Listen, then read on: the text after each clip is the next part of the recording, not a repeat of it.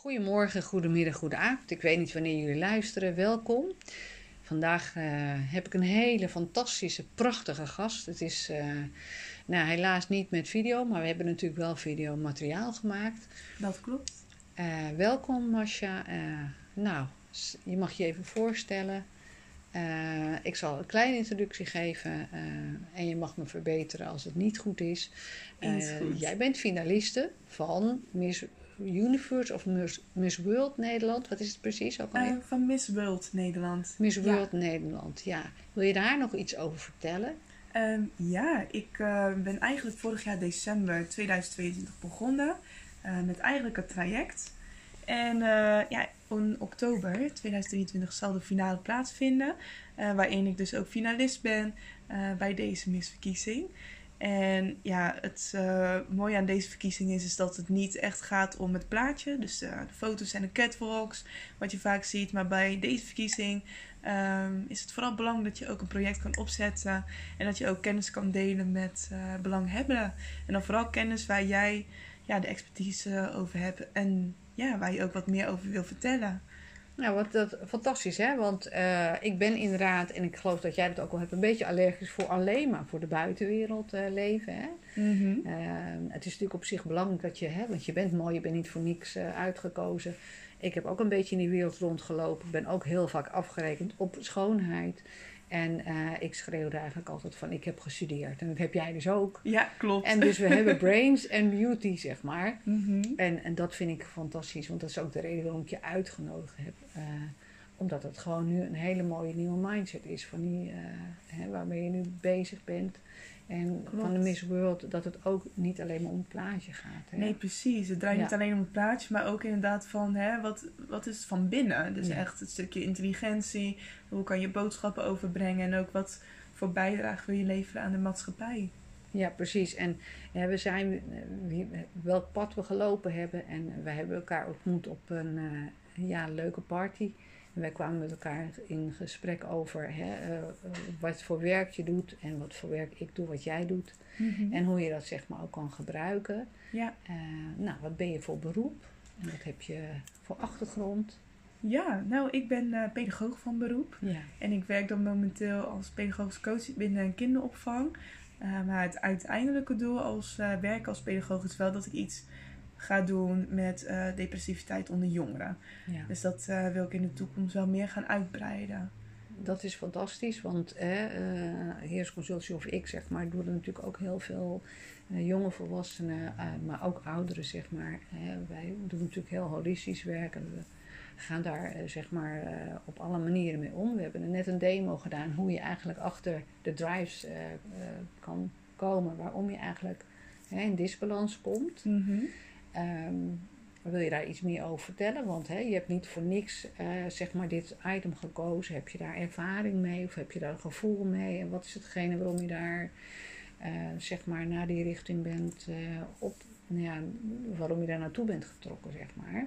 Ja, nou, een hele goede vraag. Mm -hmm. Ik heb het zelf drie keer ervaren, een depressieve episode. En de eerste keer dat ik het ervaarde was op mijn negende. Dus ik was onwijs jong. En, Negen, wauw. Ja, ik wist ook eigenlijk niet wat mij precies overkwam. Uh, maar wat ik wel wist, dat ik echt enorm ongelukkig was. En dat ik eigenlijk het hele leven niet zag zitten meer. Dus ik stond ook echt wel op een punt uh, om mijn leven te beëindigen. Zo ver was ik al. Alleen ik begreep niet waarom. Omdat Ja. ik nog een kind was. Mhm. En gelukkig ben ik daar toen een tijd uitgekomen. En op mijn veertiende gebeurde het nog een keer. Mhm. En toen was ik daar wel wat meer bewust over. Dus heb ik ook samen met mijn moeder gekeken van wat voor hulp ik daarvoor kon krijgen. En uh, nou, dat is toen ook gelukkig goed gekomen. En toevallig vorig jaar nog een keer. Ja, Ja, wauw. Ja, wat wij als therapeut, uh, jullie weten waarschijnlijk, ik ben kinesioloog, NLP-trainer en ik werk heel veel met emotionele patronen. Uh, er zijn inderdaad een aantal curves waar uh, depressiviteit bij jongeren uh, versterkt wordt. Het is natuurlijk de puberteit, hormonale wisselingen. Dus dat is ook ja, wat we vaker merken. mm -hmm. Hè, dus dat onder druk en, en school hè, is natuurlijk ook enorm ja. ja, druk natuurlijk. Dat heb je waarschijnlijk ook gemerkt. Maar je was negen. Heb je daar nog een, we hebben er net een soort met inzicht gekregen dat jij uh, open staat. Hè? Dat je heel veel. Kan je daar nog iets over vertellen? Ja, zeker. Ik ja.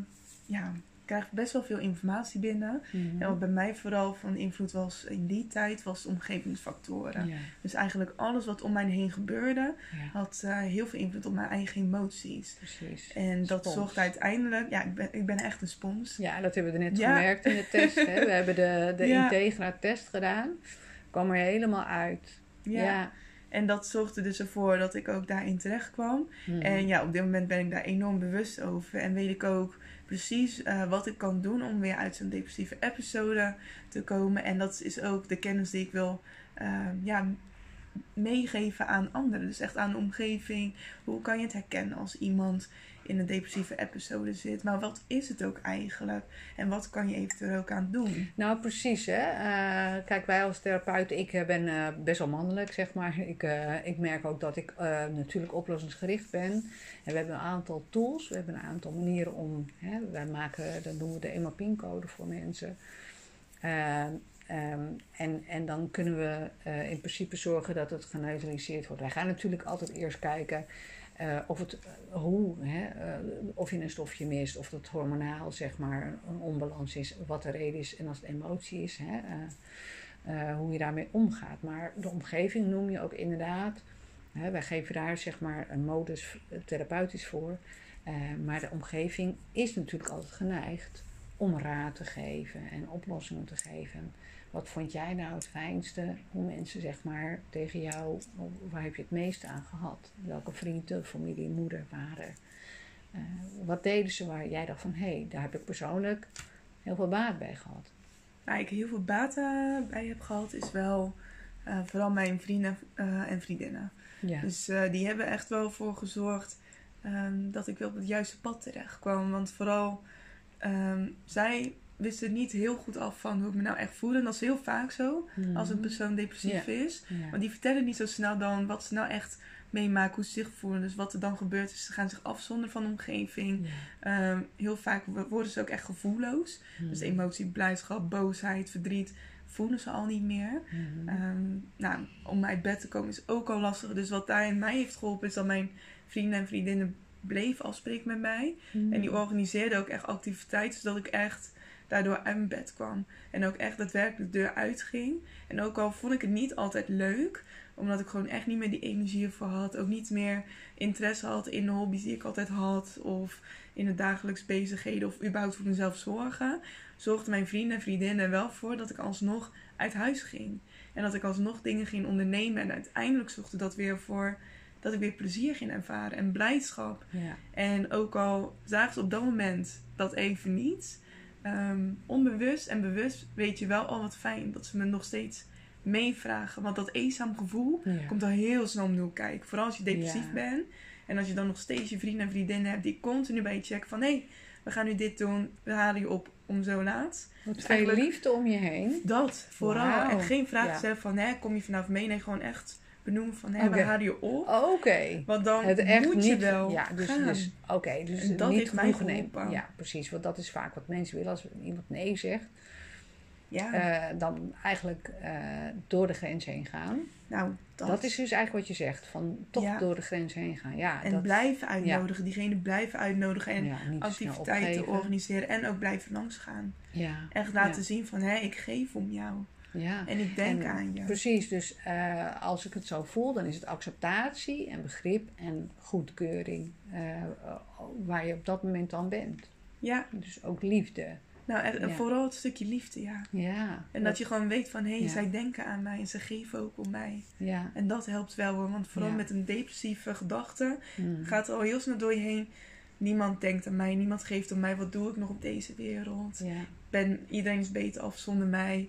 En dat zijn best wel zware gedachten. Ja. En als je dan toch dierbaren om je heen hebt die je daar dan weer uithalen door toch regelmatig je te bellen, regelmatig op bezoek te komen. Mhm. En je ook daadwerkelijk meenemen op ja, activiteiten. Ja. dat helpt wel echt heel erg. En het kan zowel familie zijn als vrienden natuurlijk. Ja, ja en um, je begrijpt, je praat met een therapeut en coach. Hè? Uh, ja. ik, ik zie ook uh, zeg maar heel veel, uh, zeg maar, waar je dus nu ook zeg maar, mee bezig bent. Hè? Um, En, en dat betekent eigenlijk dat je de zingeving, hè, de- je zegt ook iets van, hé, hey, eh, het hoeft niet meer zingeving, eh, het, het, het is vol. Ja. Ja, je bent, eh, zoals ik je zie, je bent overgevoelig, je, gaat daar je hebt daar gevind- gevonden. En nou is depressiviteit heeft altijd een andere, bij iedereen heeft het een andere oorzaak. Hè? Dus, Klopt. ehm, Het is nooit een eenduidige oorzaak. Bij iedereen Nee, is het verschillend, maar precies. het is ook, ja. iedereen is zijn eigen individu. Ja, precies. En, Ja. en ook op spiritualiteit, hè, daar werken we natuurlijk ook mee. Als jij dus echt tevreden bent of als jij eh, op het niveau zit van huisje, boompje, beestje, dan zie ik jou daar niet. Hè, want je hebt, zeg maar, je, ik denk dat je op zich ook wel enorm nadenkt en ook rijk. eh, wat, hoe zou je jezelf omschrijven? Ben jij gelukkig, laat ik het zo, anders vul ik dus niet. Ben je gelukkig met alleen materiële dingen, eh, eh, een huis? eh, eh, ehm, is dat de jacht van het leven of, of is er nog meer? hè, want dat heeft ook vaak te maken met de mindset van waarom mensen niet gelukkig zijn. Ja, Dus kan je daar nog iets over vertellen? Want ik denk dat je daar heel goed eh, ook een differentiatie in kan maken over de zingeving, zeg maar. mhm. bij mij is het vooral, ehm, ik vind heel veel dingen leuk.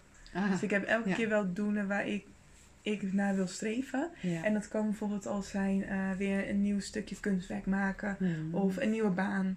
Eh, een reis boeken die ik altijd al heb willen doen. Ehm, of weer een studie gaan volgen. Ehm, dus dat houdt mij weer bij de zingeving. Als je daaraan denkt, ehm, eigenlijk nieuwe uitdagingen.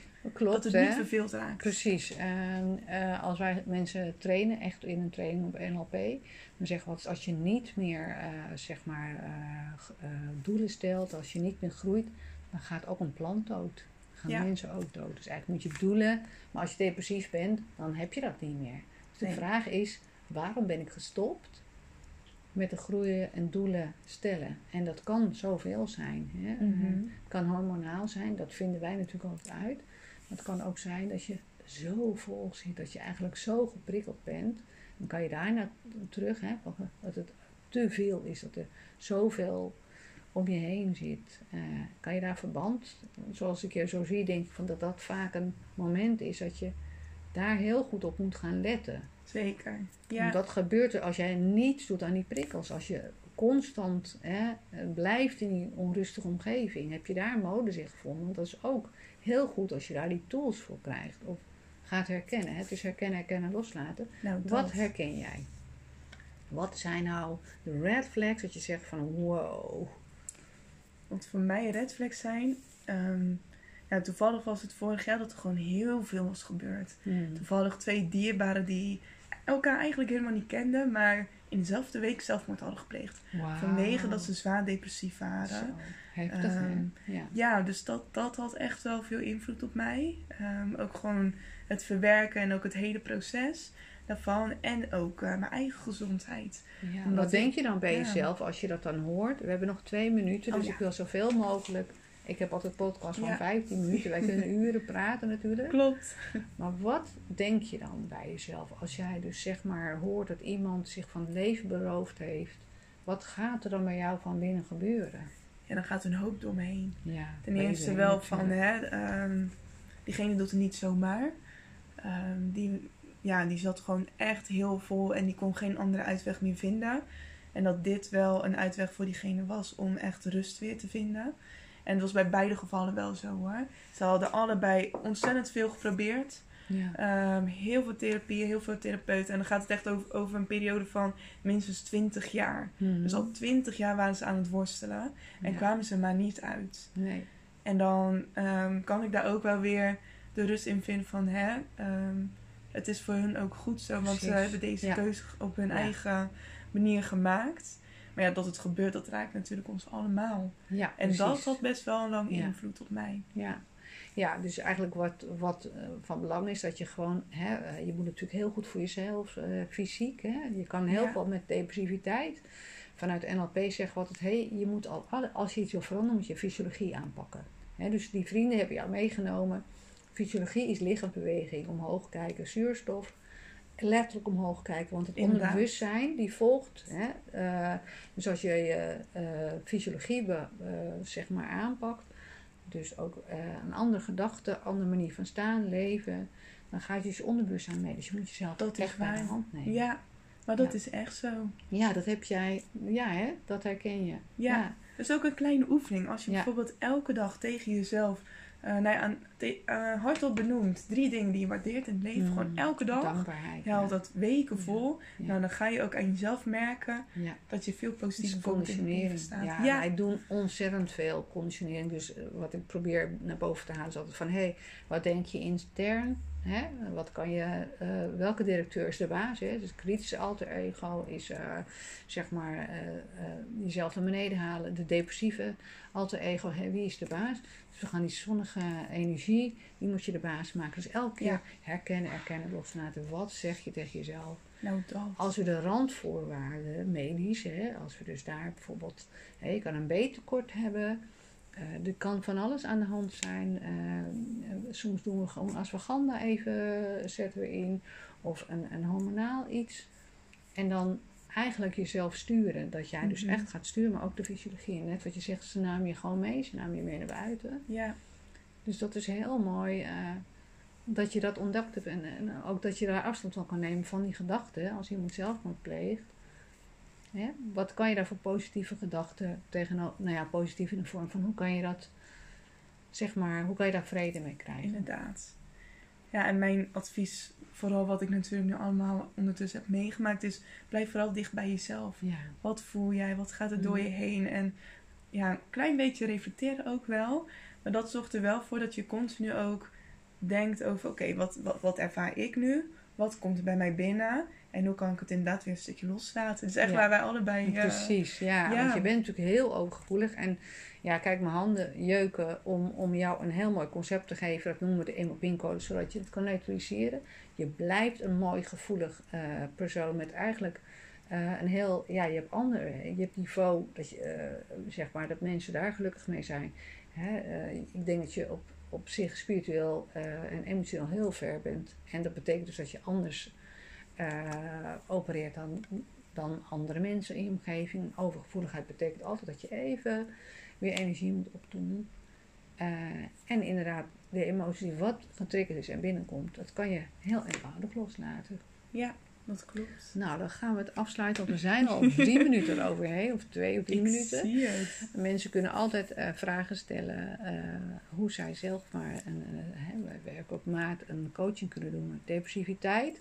Is dus eigenlijk eh, te overwinnen waar nodig. Het is niet voor iedereen. We accepteren Nee. ook als mensen dat eh, niet kunnen, niet meer willen. Mhm. Eh, maar Zeker. we zijn natuurlijk wel heel positief in de vorm van dat we altijd proberen om mensen daaruit te helpen. Ja, En ik vind de tips heel mooi die je gegeven hebt. Dat, en ook fijn voor de omgeving om te weten dat het raakt mij. Eh, dat ze je gewoon meenemen. En dat ze dus eigenlijk niet die weerstand jou toelaten. Mhm. Maar dat ze gewoon die liefde hebben laten zien aan jou. nou vooral dat. Ja, toch? Ja. Ja, dat is heel mooi. Nou, dat is, eh dankjewel. En jij Eh, ook fijn eh, dat we dit eh, gesprek, en mochten er nog vragen zijn, dan kun je het altijd via de website stellen. Namaste. Namaste.